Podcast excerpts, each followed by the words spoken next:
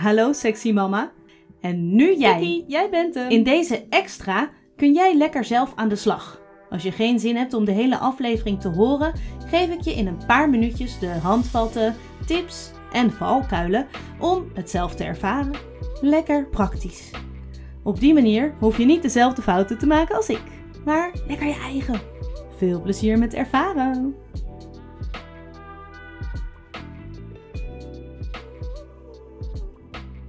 In de podcast aflevering 2 heb je kunnen horen waarom doelgericht vrijen een slecht idee is. Met doelgericht vrijen bedoel ik vooral dat je je op een orgasme richt. Maar een doel kan ook zijn dat de vrouw of de man überhaupt iets lekker vindt. Eigenlijk, als je er langer over nadenkt, is het hebben van een agenda, een idee of een verwachting al meteen doelgericht. En dat is dus niet handig. Of in elk geval iets om je bewust van te zijn. Ja, want als je dat doet, je op een doel richt, eh, dus op een soort van eindresultaat, dan mis je de plezier van de weg. Of misschien niet eens de plezier van de weg, maar in elk geval van het ervaren van de weg. En het risico bestaat ook dat je teleurgesteld raakt als je je doel niet bereikt of als het niet aan je verwachtingen voldoet.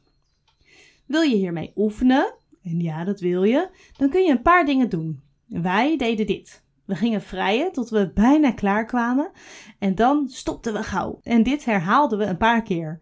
Dat noem je edgen. Edgen is geinig.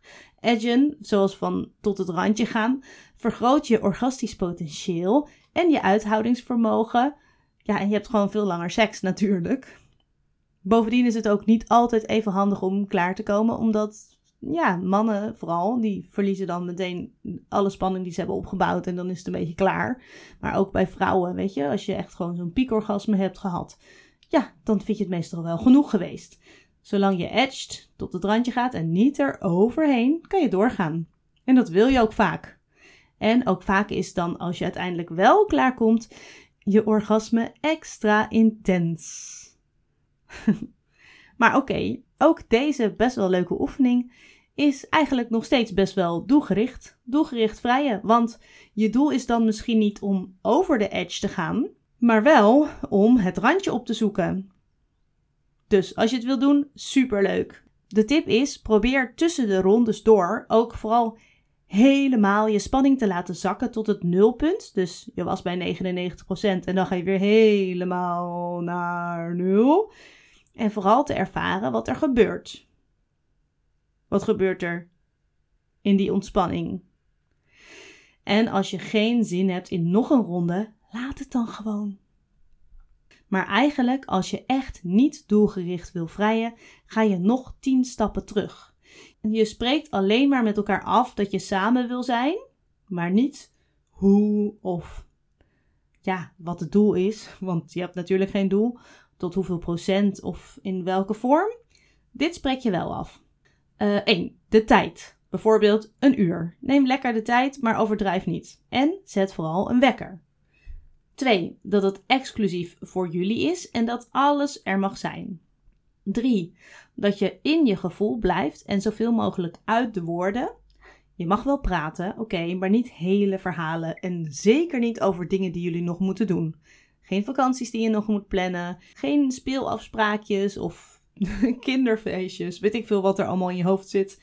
Nee, dat is eventjes voor een ander moment. Deze tijd is echt voor jullie. Je spreekt ook af, 4, dat je stopt als het eventjes niet meer lekker gaat. Neem gewoon pauze. Even plassen of even een slokje thee, zoals mijn vriendin Marije van uh, Een avond vol aandacht altijd zegt. Zij is tantra-lerares, dus zij kan het weten. Wat ook leuk is om te proberen, uh, met elkaar af te spreken, is dat je je wekker zet. Uh, niet op, dus ja, je zet je wekker op een uur, maar je zet ook een ander wekkertje op 10 minuten. En je stopt elke keer na 10 minuten om te voelen hoe het met je gaat. En dan wissel je dus heel kort uit. Ik merk bij mezelf dat, ik voel dat en dan de ander. Ik voel dat, ik voel dat. En dan ga je weer opnieuw beginnen, weer 10 minuten je wekker zetten. Tegenover elkaar zitten of naast elkaar liggen, wat je maar wilt. Dan ga je weer ja, tot elkaar komen of elkaar gewoon aankijken in de ogen. Laat het ontstaan. En na afloop bedank je elkaar en vertel je elkaar kort wat je hebt ervaren. Misschien wel wat je fijn vond en geef elkaar een compliment en bedank ook jezelf voor de aandacht, voor de openheid. Maar ga niet te veel uh, analyseren. Blijf nog eventjes hangen in je gevoel. Veel plezier! Nou, ik ben benieuwd wat dit met je doet. Laat je het me weten. Abonneer je op de podcast of klik op volgen. En reageer gewoon op je eigen manier via dit platform, op Instagram of door te mailen naar hallo Vind ik super leuk.